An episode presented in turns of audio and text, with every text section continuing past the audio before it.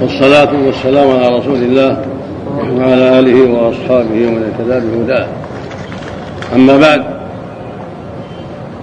قد سمعنا جميعا هذه الندوة المباركة التي تولاها صاحب الفضيلة الشيخ صالح بن آل الناصر الشيخ الغزالي بن خليل عيد في موضوع خطير. موضوع له أهميته الكبرى. قد أجاد وأفاد وبين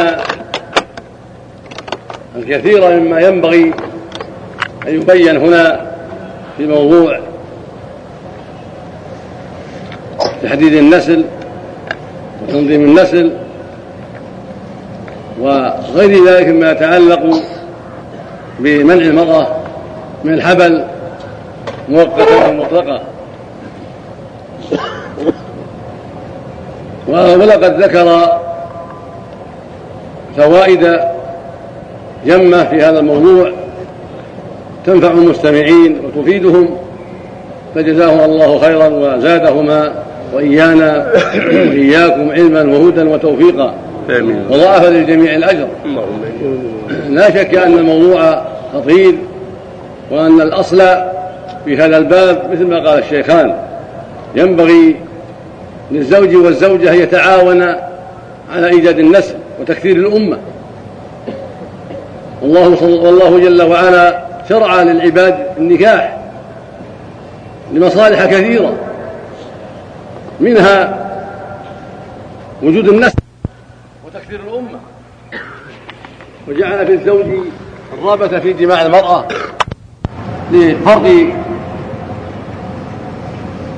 كمية من الدراهم وهذا بلغنا وعلمناه. من طرق كثيرة ولا شك أن هؤلاء أنهم مفقود الإيمان ومفقود الرحمة وإما أن يكونوا ضعفاء الإيمان جدا وضعفاء الرحمة. والعياذ بالله. وبعضهم أيضا النبي نهى عن الشرار عليه الصلاة والسلام ونهى ونهى الله عن الظلم. والله والرسول نهى عن الظلم. ولا شك أن تأخير بنت من أجل حاجة الأب ومصلحة الأب وشهوة الأب وطمع الأب لا شك أنه ظلم. والله يقول سبحانه وإن يظلم منكم نذيقه عذابا كبيرا ويقول اتقوا الظلم فإن الظلم ظلمات يوم القيامة دع ما يترتب على هذا الظلم من الفساد الكبير والشر العظيم. والشباب كذلك من الرجال. قد يتأخر عن النكاح لأسباب كثيرة. إما من جهة وقوع في الفواحش ويرى أنه إذا تزوج قد يعوقه الزواج عما يريد من هذه الفواحش والمنكرات. وتارة يقول إنه ليس عنده ما يؤهله للزواج يحتاج إلى كذا وإلى كذا وإلى كذا. ولا يرضى أن يزوجه أخوه أو أخوه ويساعده في ذلك. بل أن يستقل بهذا وهذا من نزغات الشيطان ومن تزيين الشيطان وأي مانع أن يزوجه أبوه أو أخوه أو قراباته ويساعدوه في هذا الخير العظيم وأي غضاضة عليه. هذا من التعاون البر والتقوى ولا غضاضة في هذا. وليس من اللازم أن يبقى حتى يملك فلة وحتى يكون له راتب كذا وكذا. هذا من تزيين الشيطان.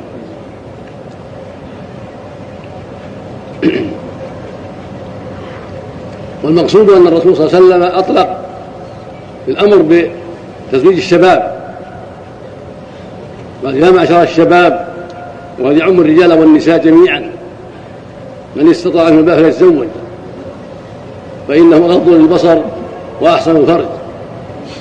وهذا يعم الاستطاعة ببذل والده له وبالاستدانة وببذل الدولة وبإقراض الدولة وبغير ذلك من الطرق التي يتيسر بها الزواج. وقد يجد بعض الناس من يزوجه بأقل شيء إذا عرف بالأخلاق الفاضلة والسيرة الحميدة والدين المستقيم. فالناس يطلبون العقلاء والأخيار يطلبون لبناتهم وأخواتهم الرجال ولو بذلوا المال هم في ذلك. ولهذا بقية بحث بعد الصلاة إن شاء الله. لكن موضوع تحديد النسل وتنظيم النسل قد قد درس هذا الموضوع في هيئة كبار العلماء في دورة سبقت. وصدر فيه تقرير قرار من المجلس في هذا الموضوع لأنه موضوع خطير وقد بلي به الناس. فالأصل المنع. الأصل أنه لا ينبغي للزوج ولا للزوجة أن يتعاطيا ما يمنع الحبل. بل ينبغي لهما أن يتساعدا على وجود الحبل الحبل يعني الحمل. لما فيه ذلك من الخير. ولما قال ولما ولقوله صلى الله عليه وسلم تزوجوا الولود الودود. فإني مكاثر بهم الأمم يوم القيامة. وفي رواية الأنبياء يوم القيامة. هذا يدل على أن كفاف الأمة والحرص وإيجاد الأسباب لتكثير الأمة وتكثير النسل أمر مطلوب. مع العناية بسلامة الأطفال وتربيتهم التربية الصالحة لا لا يمنع هذا هذا. فتكثير النسل مطلوب وكذلك العناية بالأولاد وتربيتهم التربية المطلوبة الصالحة أمر مهم. وصدر في القرار المنع من تعاطي المرأة ما يمنع الحبل من حبوب أو لولب أو غير ذلك وأنه ينبغي المرأة والرجل أن يتعاونا على إيجاد النسل وعلى تكثير النسل لما سبق لما سبق ولما علمتم من الفائدة في ذلك كبيرة. ولكن إذا دعت الحاجة إلى ذلك أو الضرورة إلى ذلك بطريقة خاصة فلا بأس. ويسمى تنظيما عند كثير من الناس ولا يسمى تحديدا.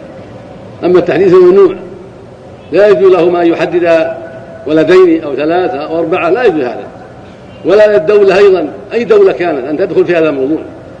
ليس للدول أن يحددوا الحمل. ولا ريب أن أعداءنا يريدون ذلك.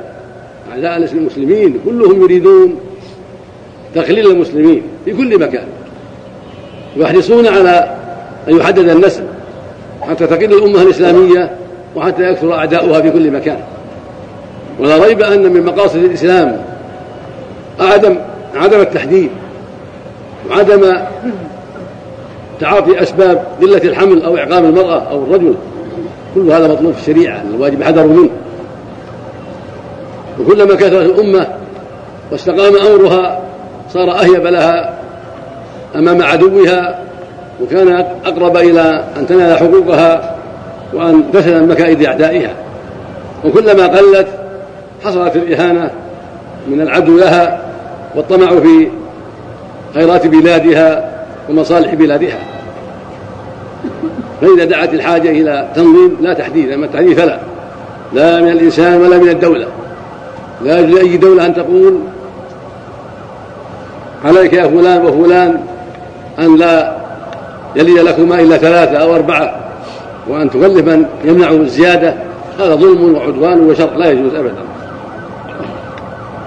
وليس للدولة أن تسعى أيضا في منع المرأة من الحمل أو إلزامها بأن تعاطى شيء من منع الحمل أو إلزام الرجال. كل هذا لا يجوز. وإنما شيء واحد يجوز بين الرجل والمرأة. إذا تراضي عليه لأسباب لكون المرأة مثلا تحمل هذا على هذا. من طبيعتها بإذن الله أنها تحمل. من حين تخرج من النفاس ويتصل بها تحمل. ويضرها ذلك ضررا بينا. ويسبب عدم القيام بالتربية اللازمة. فهذا لا بأس أن تتعاطى شيئا يسمى تنظيما ويسمى تخفيفا عليها سنة أو سنتين مدة الرضاع للتخفيف والتيسير كما جاز على الصحيح العزل. كان الرجل يعزل في عهد النبي صلى الله عليه وسلم لأسباب يعني يمتنع من إخراج المني في فرج المرأة. وربما يمتنع مدة لا يجامعها لأسباب إما لسوء حال بينهما وإما لمقاصد أخرى. حدد الله لهم أربعة أشهر. فقال سبحانه للذين يؤمنون من نسائهم تربصوا أربعة أشهر. فإن فاءوا فإن الله غفور رحيم وإن عزموا الطلاق فإن الله سميع عليم. فجعل الرجل أربعة أشهر.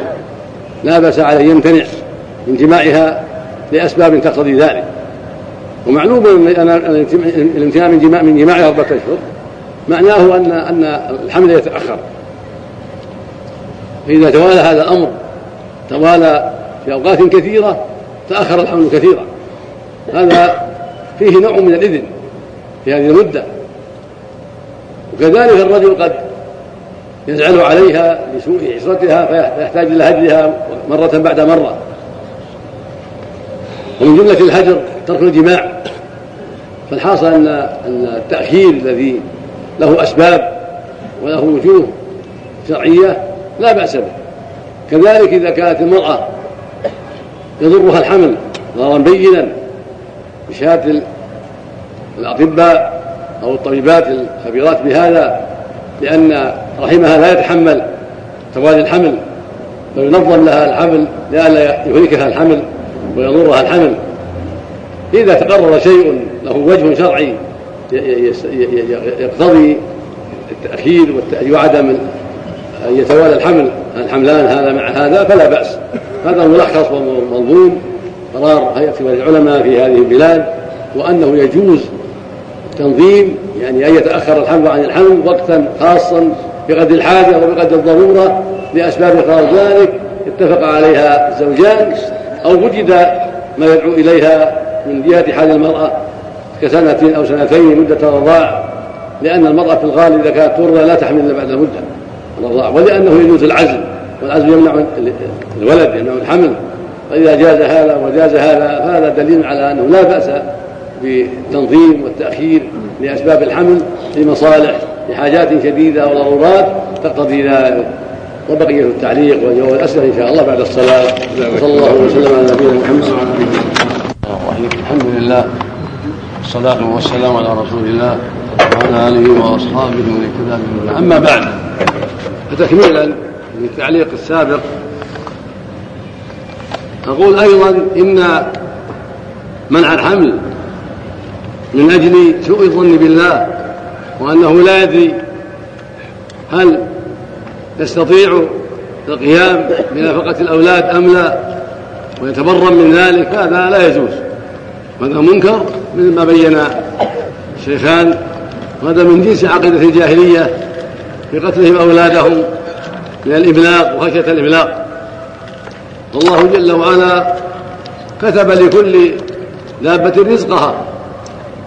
والحمل يأتي برزق يكتب رزقه وأجله.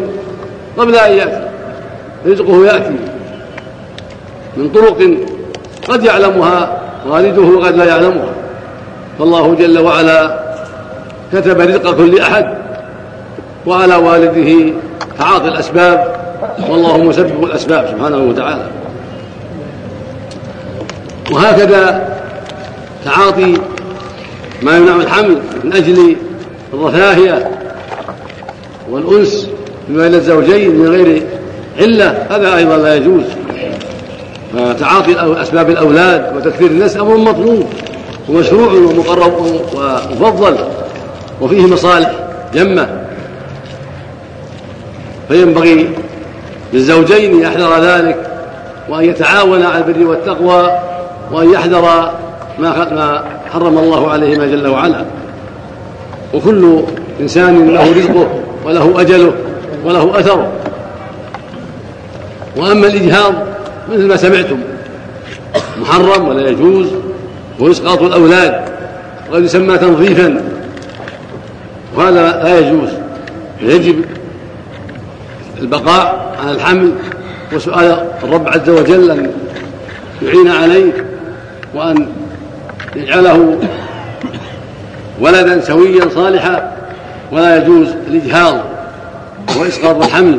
تعاطي الأسباب التي تسقطه من طريق الأطباء وغير الأطباء بل متى وجد وجب الصبر وسؤال الله جل وعلا أن يحسن العاقبة وتعاطي الأسباب بعد ذلك التي فيها صلاح الأولاد وفيها تربيتهم الصالحة.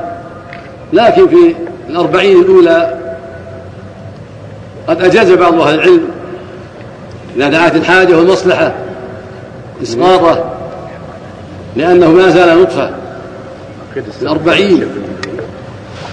إذا دعت المصلحة الشرعية والحاجة واتفق الزوجان على ذلك محتجين بجواز العزل والعزل هو حبس الماء عن الرحم حتى لا تحمل. فإذا كان في الأربعين الأولى ودعت مصلحة وحاجة لذلك جماعة من العلم قالوا يجوز ذلك بطريقة سليمة ليس فيها خطر على الزوجة وإن تركا ذلك وصبرا ولم يتعاطيا إسقاطا فذلك خير ربما رزقهم الله في ذلك ولدا صالحا يحمدان العاقبة بسببه.